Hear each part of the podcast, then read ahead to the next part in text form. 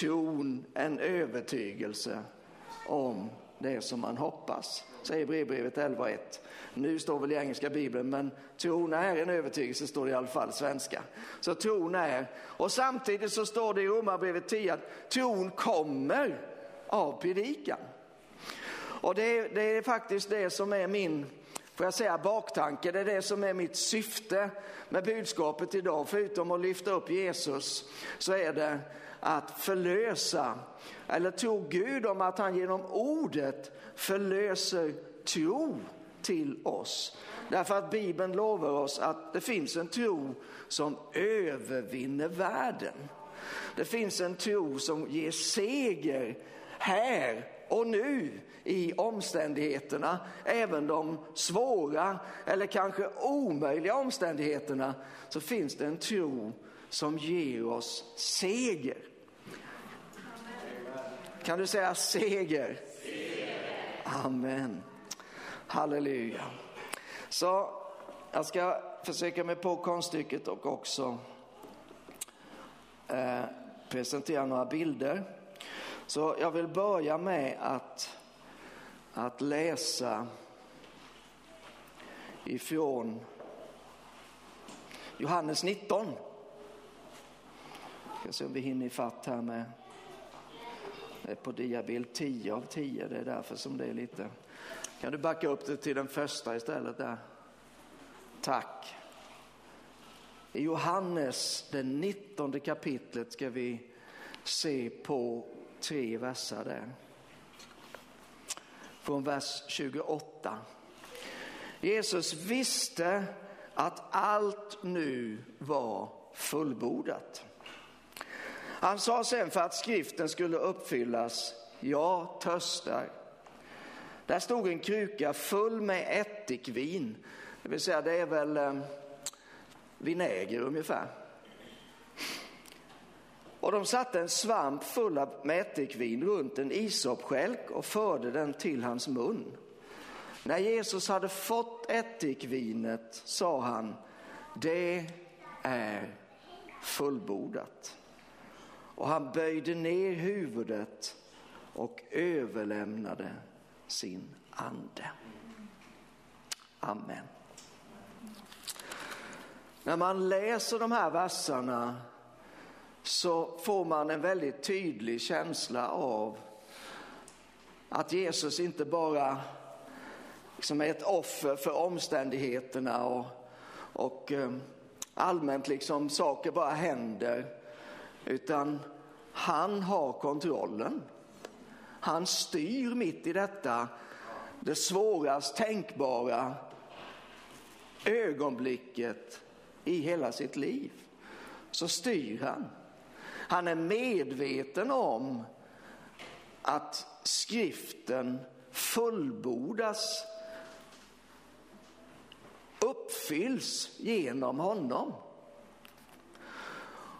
Och då finns det ett ord kvar.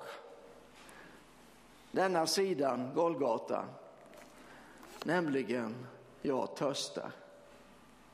Nu är det mycket möjligt och högst troligt att Jesus törstade, men det, det står inte att det är därför som han uttrycker de här orden, utan han uttrycker dem för att skriften ska uppfyllas. Och sen när han har sagt sina sista ord så, så säger han, eller så säger Bibeln snarare, han böjde ner huvudet och överlämnade sin ande. Jesus var ett offer, men inte på det sättet som vi vanligtvis använder ordet. Någon som bara har hamnat i olyckliga omständigheter eller i svåra situationer eh, och som kanske oförskyllt är där. Jesus var definitivt oförskyllt på korset, men han var Guds offerlamm. Och när Jesus säger, för det, det, som jag har fastnat för den här påsken, eller inför den här påsken, det är att ibland läser vi de här orden och läser det som om det stod Jesus sista ord, det är slut. Det är ju så det heter på engelska, it is finished, står det i, i många eh, engelska översättningar. Men det var inte det han sa. Han sa det är fullbordat. Och det är en otrolig skillnad. Det var inte slutet, det var början. Det var inte en förlust, vi vet ju det, utan det var den största segern som någonsin har vunnits. Han hade fullbordat. Och vi ska tänka lite mer på det, vad, vad det innebär. Men, men eh, återigen så, så står det ju så här, Jesus visste att allt nu var fullbordat. Han sa sen för att skriften skulle uppfyllas, jag törstar. Det är lite spännande, det finns ju folk till allting som du vet. Och eh, eh det finns en, eller fanns, eh, han dog på 80-talet tror jag, en professor i statistik. Det har väl med eh, lite kopplat med matematik vill jag tänka. Eh, det är inte, absolut inte min starka sida, men man kan ju läsa om det. Och så kan man förundra sig över den här professorn, eller förlåt, han var doktor, han kanske aldrig fick bli professor. Han heter Peter Stoner och han intresserade sig mycket för, han var en, en, en kristen broder, han intresserade sig mycket för Bibelns tillförlitlighet. Om det verkligen går att tro på Bibeln, om man kan ta till sig Bibelns berättelser och eh, på något sätt intellektuellt hederligt också nalkas dem och, och sätta sin tilltro till dem. Han kom fram till att det går väldigt, väldigt bra att göra detta. Han har skrivit flera böcker som eh, jag inte har läst. Jag har läst brottsstycken ifrån dem, men som jag tycker är otroligt spännande. Men han bestämde sig för att han jobbade på eh, ett eh, college, Science at Mathematics and Science, Pasadena City College och Westmont College. Så han gjorde en stor, ett stort arbete tillsammans med 600 av sina studenter och bestämde sig för nu ska vi kolla upp hur stor är sannolikheten att eh, en person då under sin livstid, blir underförstått, kan uppfylla några av de förutsägelserna som var gjorda angående Jesus eller Messias. Och så valde man ut åtta stycken utav dem. Eh, nummer ett, Kristus ska födas. Det här behöver vi inte ta alla, alla bibelhänvisningar, för jag tror att ni känner igen det. Nummer ett, Kristus ska födas i Betlehem. Nummer två, Kristus ska föregås av en budbärare, nämligen Johannes döparen då. 3. Kristus ska komma till Jerusalem på en åsna. 4. Kristus ska bli bedragen av en vän. 5. Kristus ska bli såld för 30 silverpenningar. 6. pengarna som Kristus blir såld för ska kastas till krukmakaren i Guds hus. Och 7. Kristus ska avrättas genom korsfästelse som en tjuv. Nu sa jag åtta, men jag har bara skrivit upp sju, men det fanns en åttonde där. Vi får gå tillbaka och titta på det efteråt då. Och så räknade man väldigt eh, utifrån kända data då, till exempel Betlehem, hur många bodde i Betlehem eh, under Eh, tiden för Jesu födelse så satte man det i förhållande till den uppskattade världsbefolkningen vid det tillfället. Och så fick man fram en trolighetsgrad. Och så slog man ihop de här åtta då och då kom man fram till att sannolikheten för att en person i sitt liv skulle kunna uppfylla åtta av de förutsägelser som var gjorda i gamla testamentet angående Messias, det var en på tio upphöjt till 17.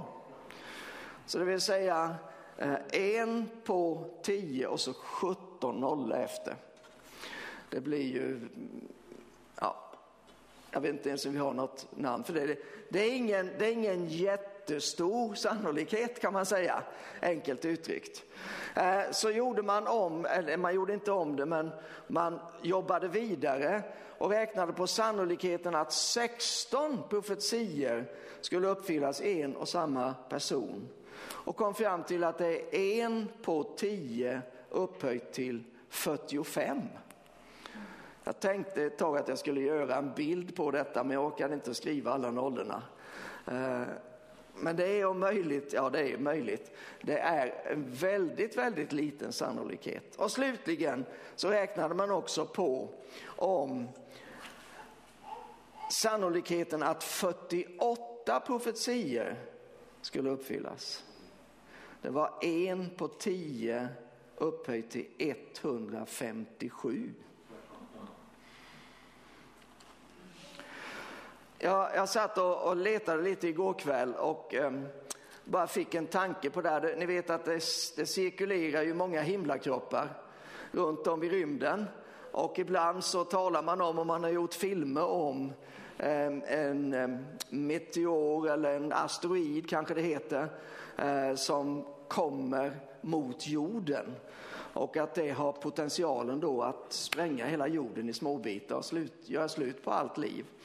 Och ehm, vad är det för sannolikhet för det? Ja, små, liksom rymdgrus, det kommer ju hela tiden. Det är det som vi ser som stjärnfall. Men när det kommer större, då har det en väldig effekt. Och man tror ju att eh, för väldigt länge sedan, de lärde tvista om hur länge sedan, så var det en asteroid som var mellan 5 och 10 kilometer stor som slog ner på den här jorden och det innebar slutet för alla dinosaurier. Ehm, så att en ganska världsomvälvande händelse. Sannolikheten förlåt, för att en så pass stor meteorit ska träffa jorden, det är en på tio upphöjt till sju. Så det är väldigt mycket troligare att jorden kommer att förändras drastiskt av en asteroid än vad det är att Jesus av en händelse skulle uppfylla åtta förutsägelser. Nu visste ju han, som i exemplet här, så visste han ju om vad texten i gamla testamentet sa, det som var judarnas bibel. Eh, så att den såg han ju till att den blev uppfylld. Men det finns väldigt många som var omöjligt för honom att uppfylla, till exempel var han skulle födas eller hur han skulle förrådas och så vidare. Men sanningen är den att om man räknar riktigt strikt försiktigt så är det 108 profetior om Jesus i det gamla testamentet som blev uppfyllda av honom under hans 33 år så, på jorden. Vad är sannolikheten för det? Jag vet inte. Jag tror inte de orkade räkna så långt. Pappret tog slut. Men det är väl lite uppmuntrande, eller hur? Det är lite trostärkande. Det talar på något sätt om hur fantastiskt stor och mäktig Gud är. Och när Jesus då säger det är fullbordat så är det liksom inte åh vad skönt nu är det över. Det står för någonting mycket, mycket, mycket, mycket, mycket, mycket mer. Det är fullbordat. Vad är det som är fullbordat? Ja, ska man säga rent, rent pe peta i det så var det ju inte allt det som Jesus skulle göra. För han hade ju lite kvar att göra. Han skulle ju uppstå, han skulle fara upp till himlen, han skulle bära fram sitt blod in och rena det allra heligaste i himlen. Och han skulle sätta sig på tronen. Så det var inte Jesu verk som sådant som var fullbordat, utan det var ju någonting ännu större. Och om vi då tänker tillbaka på Bibelns stora berättelse så är det ju att Gud gör allting och allting är fullkomligt. Men så kommer synd in i världen och genom synd så kommer döden in för syndens lön är döden. Och så ligger hela skapelsen under en förgängelse. Allt är förvridet. Det, ingenting är så som Gud ämnade det att vara. Men när Gud sänder Jesus Kristus, då är det för att upprätta det som har blivit nedbrutet. Det är för att hela det som har gått sönder. Det är för att ta tillbaka det som har gått förlorat. Jesus sa ju aldrig någonting som han inte menade. Och då är frågan återigen, vad menade han när han sa att det är fullbordat? Jag tror att han talade om försoningsverket. Jag tror att han talade om det som vi kallar för frälsningen. Jag tror att han, han åsyftade den fulla upprättelsen ifrån syndafallet. Det var det som var fullbordat. Och då är ju förstås min fråga till mig själv och kanske också till dig, det är ju det, tror vi på detta? Vågar vi tro på detta? Vi som lever 2000 år senare, vi som lever i en omgivning som oftast predikar motsatsen. Vågar vi sätta vår tilltro till att det Jesus sa om det han gjorde gäller? Att det är en verklighet. För jag tror att det är det som du och jag är kallade till. Och vi, ska, vi ska se på några bibelverser och jag tänker primärt på, för om, eh, jag backar lite. Om det var så att Jesus kom för att upprätta det som gick förlorat i syndafallet, då innefattar det allt. Det innefattar alla livets områden. Eh, och det har vi inte riktigt tid att och gräva ner oss i eh, på en påskdagsförmiddag. Men jag har bara valt ut tre områden som i och för sig också är viktiga och som jag upplever att det står ganska mycket strid runt omkring. Eh, så vi ska titta på dem, men innan vi gör det så ska vi läsa en vers i Hebreerbrevet, det sjunde kapitlet. Så gå med mig till Hebreerbrevet, du kan, har du Bibeln med dig så är det kanon att slå upp det och annars får du titta på, på väggen. här kommer den nämligen. Det syns så där ser jag såg bättre ut på den lilla skärmen. Det står emellertid så här. Därför kan han också helt och fullt frälsa dem som kommer till Gud genom honom. Eftersom han alltid lever för att be för dem. Kan du säga helt och fullt? Man funderar ju på vad, vad betyder det? Det känns ganska inklusivt, eller hur? Det känns inte som att, ja men sen får vi tänka på att vi har detta och, och här har ju omständigheterna och erfarenheterna lärt oss att och så vidare. Utan det står bara rakt upp och ner. Han kan helt och fullt frälsa de som kommer till Gud genom honom. Och, och, här ges ju också en liten extra garanti till det hela eftersom han säger eftersom han alltid lever för att be för dem. Så Jesus när han sätter sig på Faderns högra sida efter att ha dött och uppstått och farit upp till himlen och försonat människan med Gud och utgjutit den helige ande. Han sätter sig inte bara ner med armarna och benen i kors på Guds högra sida utan han ber alltid för oss för att vi helt och fullt ska kunna bli frälsta. Så att det som han fullbordade ska bli vårt. Och då är det som sagt var tre olika områden som jag skulle vilja bara säga någonting om. Och nu läser jag, mest, min predikan idag det är mest att jag läser Guds ord. Men jag gör det med vett och vilje. Eh, därför att eh, det känns ganska bra och tryggt att hålla sig till Guds ord.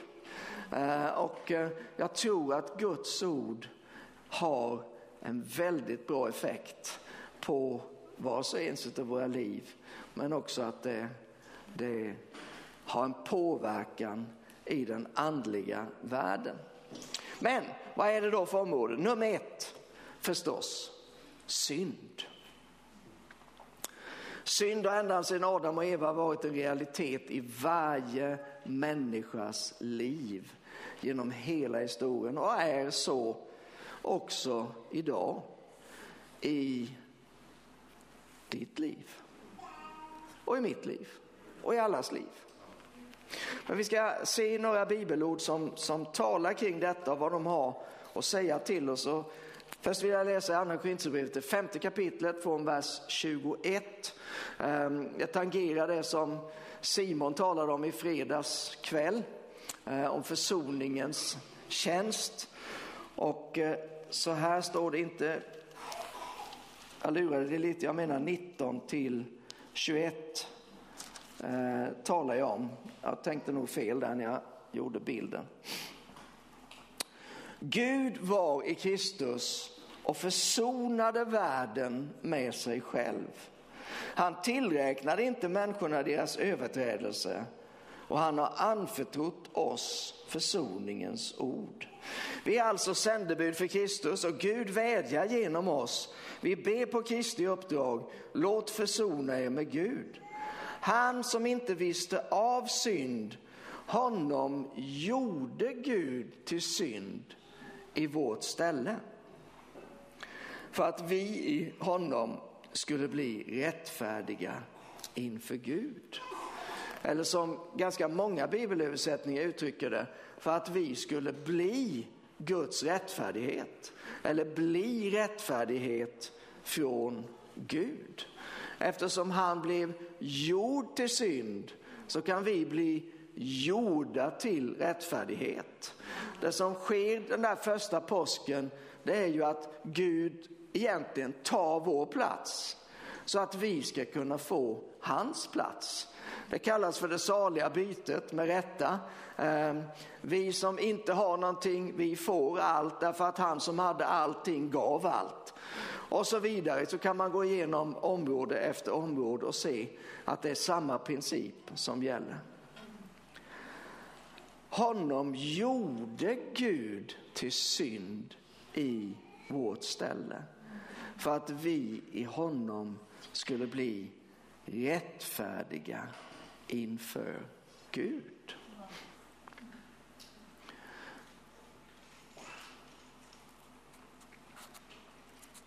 Det går att säga mycket om det där bibelordet. Men det är också ganska inklusivt. Det innefattar allt det som skilde människan från Gud. För det är vad synd gör. Synd skiljer oss från Gud. Och Gud låter allt det komma på Jesus, till Jesus. För att ingenting ska behöva belasta oss. Och vi kan också se detta i Kolosserbrevets andra kapitel. Så vi ska också läsa ett par verser där. Kolosserbrevet 2 och vers 13. Ni var döda genom era överträdelser och er oomskurna natur. Men också er har Gud gjort levande med Kristus. Han har förlåtit oss alla överträdelser. Alla överträdelser och utplånat skuldebrevet som vittnade mot oss med sina krav. Det tog han bort genom att spika fast det på korset. Han har förlåtit oss alla överträdelser. Det finns ingen synd som inte är innefattad i Jesu ord, det är fullbordat. Varje synd, vad vi än väljer att kalla den, vi, vi vill kanske inte kalla det synd, vi kallar det för våra misstag eller våra prövningar eller någonting. Men vad det än är, må vara så har Jesus tagit det för att vi skulle slippa att ha det. Och, och det, här är, ehm, det här är ju tänker jag, goda nyheter för den som kanske inte har hört detta tidigare. Eh, som, som går omkring och känner sig tyngd och, tyngd och skuldmedveten och skamsen och plågad. Eh, att få höra att Jesus har burit detta, så du behöver inte längre bära det. Men det är också väldigt goda nyheter för var och en av oss som kanske kämpar på ett område som är bundna av synd på någonstans och bara igen och igen verkar falla tillbaka in i det och som känner oss väldigt, väldigt uppgivna. Jesus bar vår synd. Han bar den för din skull, för att du skulle slippa att bära den. Det går att leva ett syndfritt liv. Och när man säger det så måste man göra en liten disclaimer för annars så blir, eh, kan man bli lite orolig och tänka att det är en syndfrihetslära och, och det säger inte Bibeln. Nej, jag säger inte att vi inte kommer att synda, men jag säger att det finns seger över precis varje synd. Det finns förlåtelse för varje synd och det finns seger över varje synd. Och därför så, så ska inte du ge upp, du som kanske kämpar på något område. Ge inte upp. Jesus har vunnit en seger för dig. Eh, det, det som du kämpar med, det ingår i det är fullbordat. Eh, det kanske är stort för dig eh, och jobbigt och du känner jag kan inte prata med någon om det. Du kan prata med Jesus om det. Du kan säga det till honom. Eh, du kan, du kan säga precis som det är. Du kan lyfta fram det i all sin hemskhet och, och, och äcklighet och så kan du bara säga Jesus, det här bär jag med mig. Och då kommer Jesus garanterat och säga, låt mig ta det. Kom till mig alla ni som arbetar och är betungade och lär av mig. Ta på er mitt ok. Mitt ok är milt och min börda är lätt. Han har förlåtit oss alla överträdelser. Jag tror vi sparar den tredje versen där i, i, eh, som jag har skrivit upp på. Och så går vi vidare. Nu ska vi tala lite grann om sjukdom. Och även här så väljer jag att väldigt mycket luta mig emot vad skriften säger. Andra Petrus brev, förlåt, första Petrus brev, andra kapitlet, så säger man. Ehm. Och vers 24. Han bar våra synder i sin kropp upp på korsets trä för att vi skulle dö bort från synderna. Här har vi igen Jesus som hanterar syndaproblemet. Han bär våra synder i sin kropp. Han bär dem upp på korsets trä. Varför? För att vi ska dö bort bort ifrån synderna. Det går att dö bort ifrån synd. Och leva för rättfärdigheten. Och så kommer detta som är så underbart som bara liksom smackar in som ett konstaterande. Är, genom hans sår är ni helade. Vi människor vi kämpar en ojämn kamp när det gäller sjukdom och plågor av olika slag. Precis som jag nämnde om frälsningen som någonting som har kommit i en troende människas liv, någonting som sker och någonting som kommer att fullbordas, så måste man förstå att man inte förstår allt. Att man inte har koll på allt, att man inte har svaren på allt. Absolut. Men inte istället för att Jesus sa det är fullbordat. Utan tillsammans med det.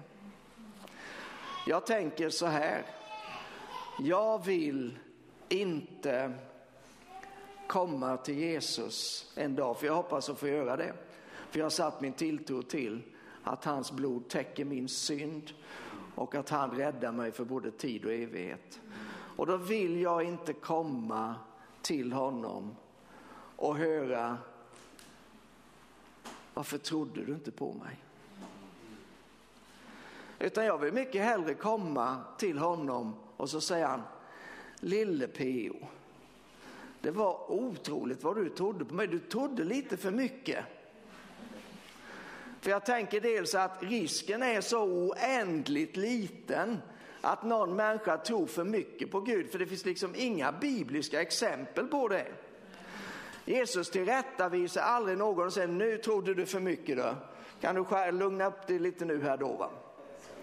Däremot så finns det gång på gång eh, exempel, tydliga exempel. Varför har ni så lite tro?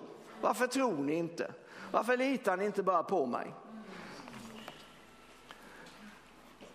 Och då tänker jag att jag vill fortsätta att tro, jag vill fortsätta att förkunna, jag vill fortsätta att praktisera eh, att Jesus är den store läkaren.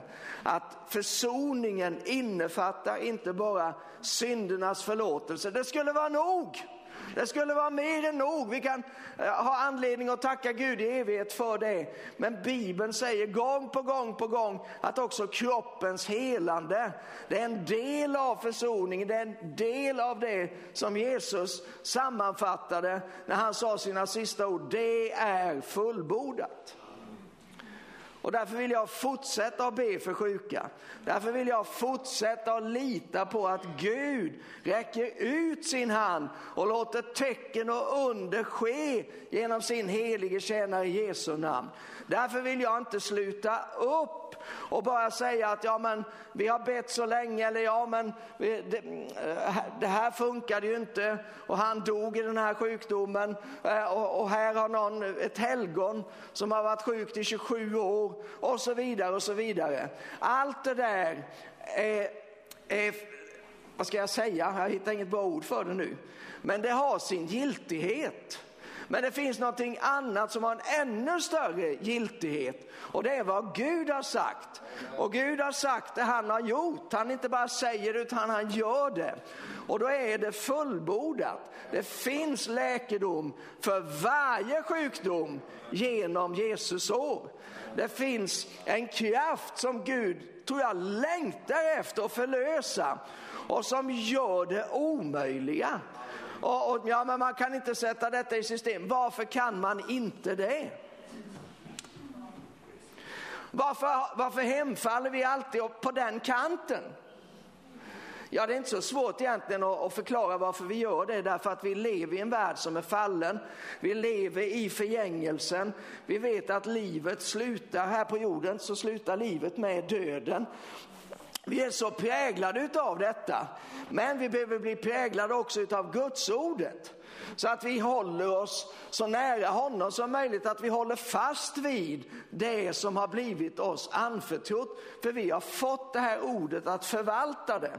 Och en dag kommer vi som sagt vara att stå inför Gud och då längtar vi efter att få höra väl gjort du gode och trogne tjänare. Men det, det, det står väldigt mycket i relation till hur har vi förvaltat, hur har vi förhållit oss till Guds ordet? Genom hans sår är ni helade. Det är omöjligt att gå förbi, i synnerhet den här dagen, Jesaja 53. Så vi ska bara läsa några verser i det kapitlet också. Jesaja 53 och vers 3.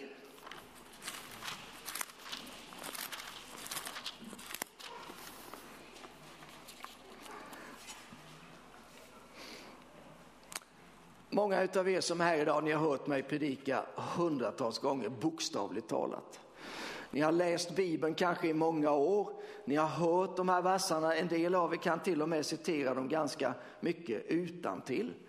Det är underbart kanske inte har hört mig hundratals gånger, men de andra bitarna, det är underbart. Men risken med det, det är ju att man slutar och egentligen lyssna, ta till sig, som häpna över vad orden faktiskt säger. En broder 700 år innan Jesus beskriver detaljerat, inte bara det som händer den första påsken utan också vad det står för. Det är helt otroligt. Det är, här i finns ju flera av de eh, profetier eller förutsägelser som talar om Jesus. Men vi, vi läser ifrån vers, vers, vers, vers, vers 3. Han var föraktad och övergiven av människor. En smärtornas man, förtrogen med lidande. Han var som en som man skyler ansiktet för. Så föraktad att vi inte respekterade honom. Men det var våra sjukdomar han bar. Våra smärtor tog han på sig. Medan vi såg honom som hemsökt, slagen av Gud och pinad.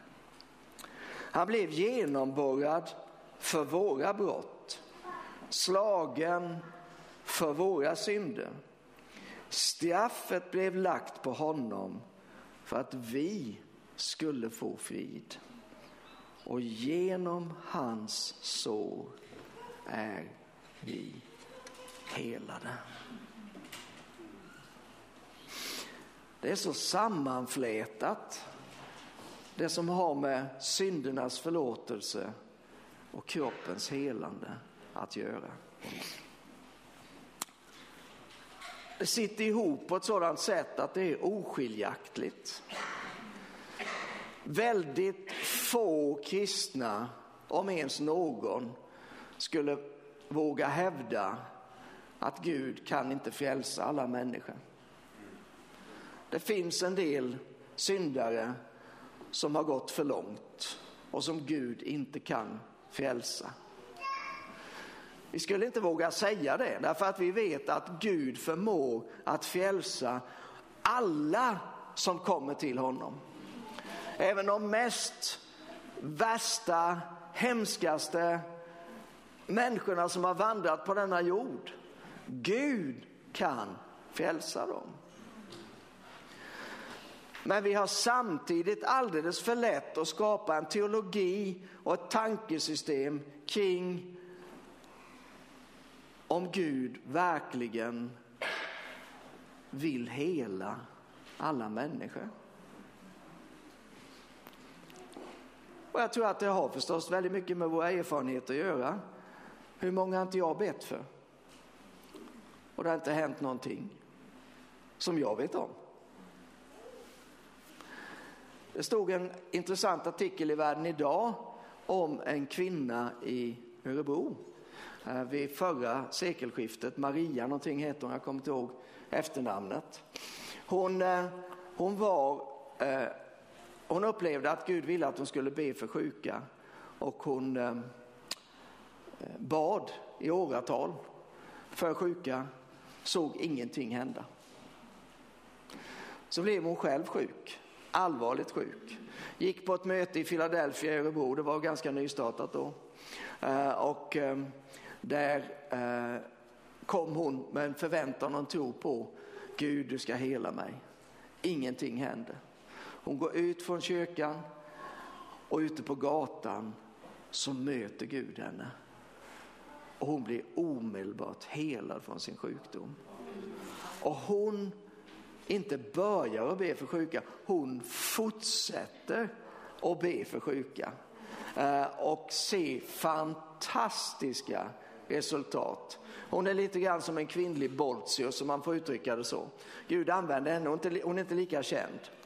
Men när jag läste det så tänkte jag just på detta. Vad, vad, vad var det som gjorde att Gud använde henne? Det var att hon inte slutade. Men risken för oss är att vi kanske slutar någonstans ute efter vägen. Vi slutar och be för sjuka. Vi slutar och berätta för människor om Jesus Kristus. För det är ju ändå ingen som är intresserad. Men låt oss inte göra det. Därför att genom hans sår är vi helade. Halleluja. Vi ska avrunda här. Ehm, det tredje som jag vill nämna om, det har med bundenhet att göra. Man skulle kunna eh, kalla det för lite olika, eh, olika begrepp eller använda olika begrepp. Fångenskap, behovet av befrielse och så vidare. Eh, men jag vill nämna lite kort om det med och ett par bibelord även där. Eh, Matteus evangeliums åttonde kapitel. Och här, här tycker jag att vägarna lite grann korsas i de här tre eh, olika områdena som jag väljer att lyfta idag. Synd, sjukdom och bundenhet. Så här står det i Matteus, det åttonde kapitlet och vers 16.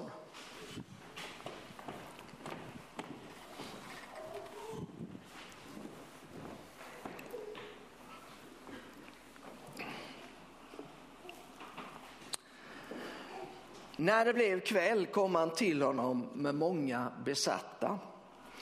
Han drev ut de onda andarna med sitt ord och botade alla som var sjuka. För att det som var sagt genom profeten Jesaja skulle uppfyllas. Han tog på sig våra svagheter och bar våra sjukdomar. Eh, jag lever med någon slags växande medvetenhet om eh, den andliga verkligheten och det kanske låter lite nedslående om man tänker att du har ju varit pastor forever. Du borde väl tänka på det andliga. Jo, så är det säkert. Men vi får glädjas åt att den ändå, liksom uppenbarelsen växer med tiden. Men eh, jag funderar förstås på eh, i allt det som vi möter, i allt det som försiggår runt omkring oss. Eh, vad är det egentligen som är grundorsakerna till att det är som det är och det som händer händer? Som till exempel bara nu i slutet på veckan borta på vår underbara skola här så är det ju en hel drös med elever som skadar sig och som eh, får uppsöka vård på olika sätt och så vidare. Och man, vilka olyckliga omständigheter, det är inte ens halt ute längre. Och ändå händer det ena efter det andra. Ganska oförklarligt, tänker jag, varför är det så? Ja, det är väl, väl okej okay att tänka så va? Ja. Och jag, jag kommer mer och mer till den slutsatsen att jag tror att det finns en andlig verklighet eh, som är osynlig för våra fysiska ögon men som är påtaglig och som också vars verkningar skulle man kunna säga blir tydliga också i den fysiska världen runt omkring oss. Och då är jag intresserad av att veta vad kan jag göra för att påverka detta, för att stävja detta, för att hålla detta borta. Ja, det första är ju att man måste, tror jag, måste bli medveten om det. Eh, och sen får man då också eh, förstå eh, har jag möjlighet att göra någonting åt detta? Jag menar, jag i mig själv är otroligt begränsad. Det vet alla som finns runt omkring mig. Jag orkar inte så mycket, jag kan inte så mycket, jag fattar väldigt lite. Och, och allt sammans leder ju fram till, att det är omöjligt för mig att tackla de här problemen. Men om, det, om Jesus har fullbordat allt, då finns det ju helt andra möjligheter som står till buds. Om, om Gud, som Bibeln säger, har gett de troende auktoritet, om han har smort sitt folk med den heliga ande och kraft, precis som Jesus var smord med den heliga ande och gick omkring och gjorde gott och botade alla som var under djävulens våld. Då kanske jag kan göra någonting också, men då bottnar det i att jag måste förstå att Jesus, han gjorde någonting som knäckte ryggraden på vår fiende. Jag säger inte att allt som händer har sitt ursprung, och det säger jag nog, sitt ursprung har det i fienden. Därför att det är tack vare hans första attack emot mänskligheten som världen är som den är. Men jag menar inte att det är demoner bakom allting som sker. Men vad jag säger, det är lite grann på samma linje som jag sa att jag vill hellre tro lite för mycket på Gud än att sluta att tro på honom. så vill jag, så vill jag se Guds rike komma och då vet jag att det måste ske på ett annat rikes bekostnad. Och här då så står det att Jesus drev ut de onda andarna med sitt ord. Jesus hade en auktoritet som var, vad säger man? Alltså den var mycket större än någon annan andlig auktoritet. Den gick vida över den gadarenske mannen som det talas om på ett annat ställe. Där förstår man som att det var väldigt många demoner som hade samlat sig i en stackars eh, man. Men direkt så, så visar det sig, vem är det som har auktoriteten? Det är ingen kamp. Liksom inte nu kavlar vi upp armarna så tar vi fighten. Nej, Jesus hade makten. För Jesus har all makt i himlen och på jorden. Gå för den skull ut, sa han. Så att eh, han, eh, han ger ju också, det finns många exempel på det, vi har inte, vi har inte tid och, eh, och ta alla dem nu, men jag vill återigen ta det med dels till Kolosserbrevet, för vi hoppade ju en vers där. Nu hoppar vi den inte längre. Kolosserbrevet 2 och vers 15 så står det om Jesus att han avväpnade härskarna och makterna och gjorde dem till allmänt åtlöje när han triumferade över dem på korset. Segen över ondskan som en andlig verklighet, den är också fullbordad.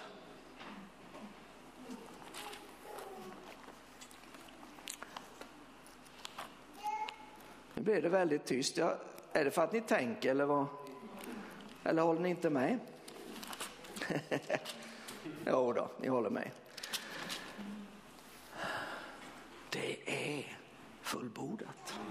Vi ska ha ett eh, bibelord till och vi hämtar det i Romarbrevets åttonde kapitel.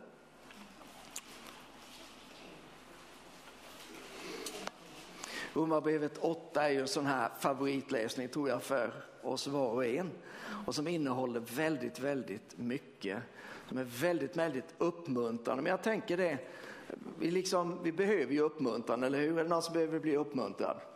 Ja, det behöver vi allihop. Men vet du, det är inte, det är inte vårt enda behov. Vi kan bli uppmuntrade och det, det leder liksom ingenstans. För vi behöver också bli utmanade. Och det här tror jag åtminstone utmanade mig när jag tänker på, när jag, när jag jämför mitt liv och det jag håller på med med den mönsterbild som Bibeln ger oss. Då blir jag i sanning utmanad. Men vi behöver ju inte bara uppmuntran och, och utmaning, vi behöver också utrustning. Och jag tänker att det som vi talar om den här dagen, det kan bli en del av vår utrustning i, i den här kampen mot synden, mot sjukdomen, mot bundenheten, mot allt annat som kommer mot oss och som kommer mot människor runt omkring oss. Men nu ska vi läsa Romarbrevet 8.21. Har vi tagit fram den? Det har vi. Åh, det här är fint. Vi börjar i vers 20 till och med då. Skapelsen har blivit lagd under förgängelsen, inte av egen vilja, utan genom honom som la den där under. Vem var det som la den där under? Det var ju Adam som gjorde det. Det var den första människan.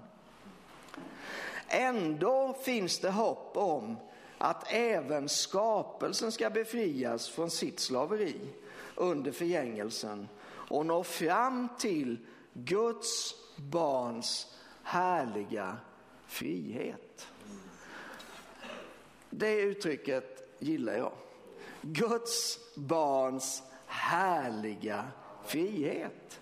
Om du är Guds barn så finns det en härlig frihet för dig. Den finns där därför att Jesus på korset fullbordade segern över synden, segern över sjukdomen och segern över bundenheten. Det var inte slutet. Det var början. En helt ny början tog sin början. Det nya förbundet i och genom Jesu blod som vi läser när vi firar Herrens måltid. Det är ett nytt och ett bättre förbund som vilar på bättre löften, som har en större härlighet, det vill säga Guds närvaro med sig. Så att härligheten i det gamla förbundet i jämförelse inte var någon härlighet.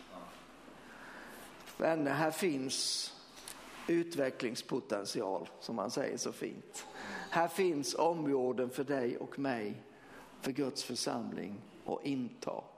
Men låt oss ta med från den här dagen det som Jesus sa. Det är fullbordat. Halleluja, Herre vi bara tacka dig för att du har fullgjort allt. Du har du inte bara påbörjade någonting utan du avslutade det också. Men det som var avslutet det blev också en början här och vi vill tacka dig för att du har gett oss denna nystart. Och vi ber här att den här påsken också skulle få bli en nystart, att vi förnyas Herre i vår tro och i vår förväntan, i vår överlåtelse till dig. Eh, eh, I förvissningen om att du vill leda oss i din seger, att du vill att du vill eh, hjälpa oss Herre på de områden där vi kämpar. Om vi kämpar mot synden, om vi eh, plågas av sjukdom, om, om vi befinner oss i någon form av, av fångenskap, att vi får blicka upp till dig på korset. Du som bar vår synd i din kropp upp på korsets trä för att vi skulle dö bort ifrån synden. Du som blev sårad så att vi genom dina sår skulle få läkedom. Du som lät dig fångas utav ondskan men som vann en evig seger och som avväpnade ondskan i alla dess delar. Vi tackar dig Jesus för att vi får ta del av den segern den här dagen. I Jesu namn. Amen. Amen. Halleluja. Jonathan och gänget, gärna om ni vill komma upp. Eh, så ska vi avsluta, men jag tänker att vi, vi måste bara ge tillfälle, både för dig som kan säga jag vill, jag vill ge mig själv till detta.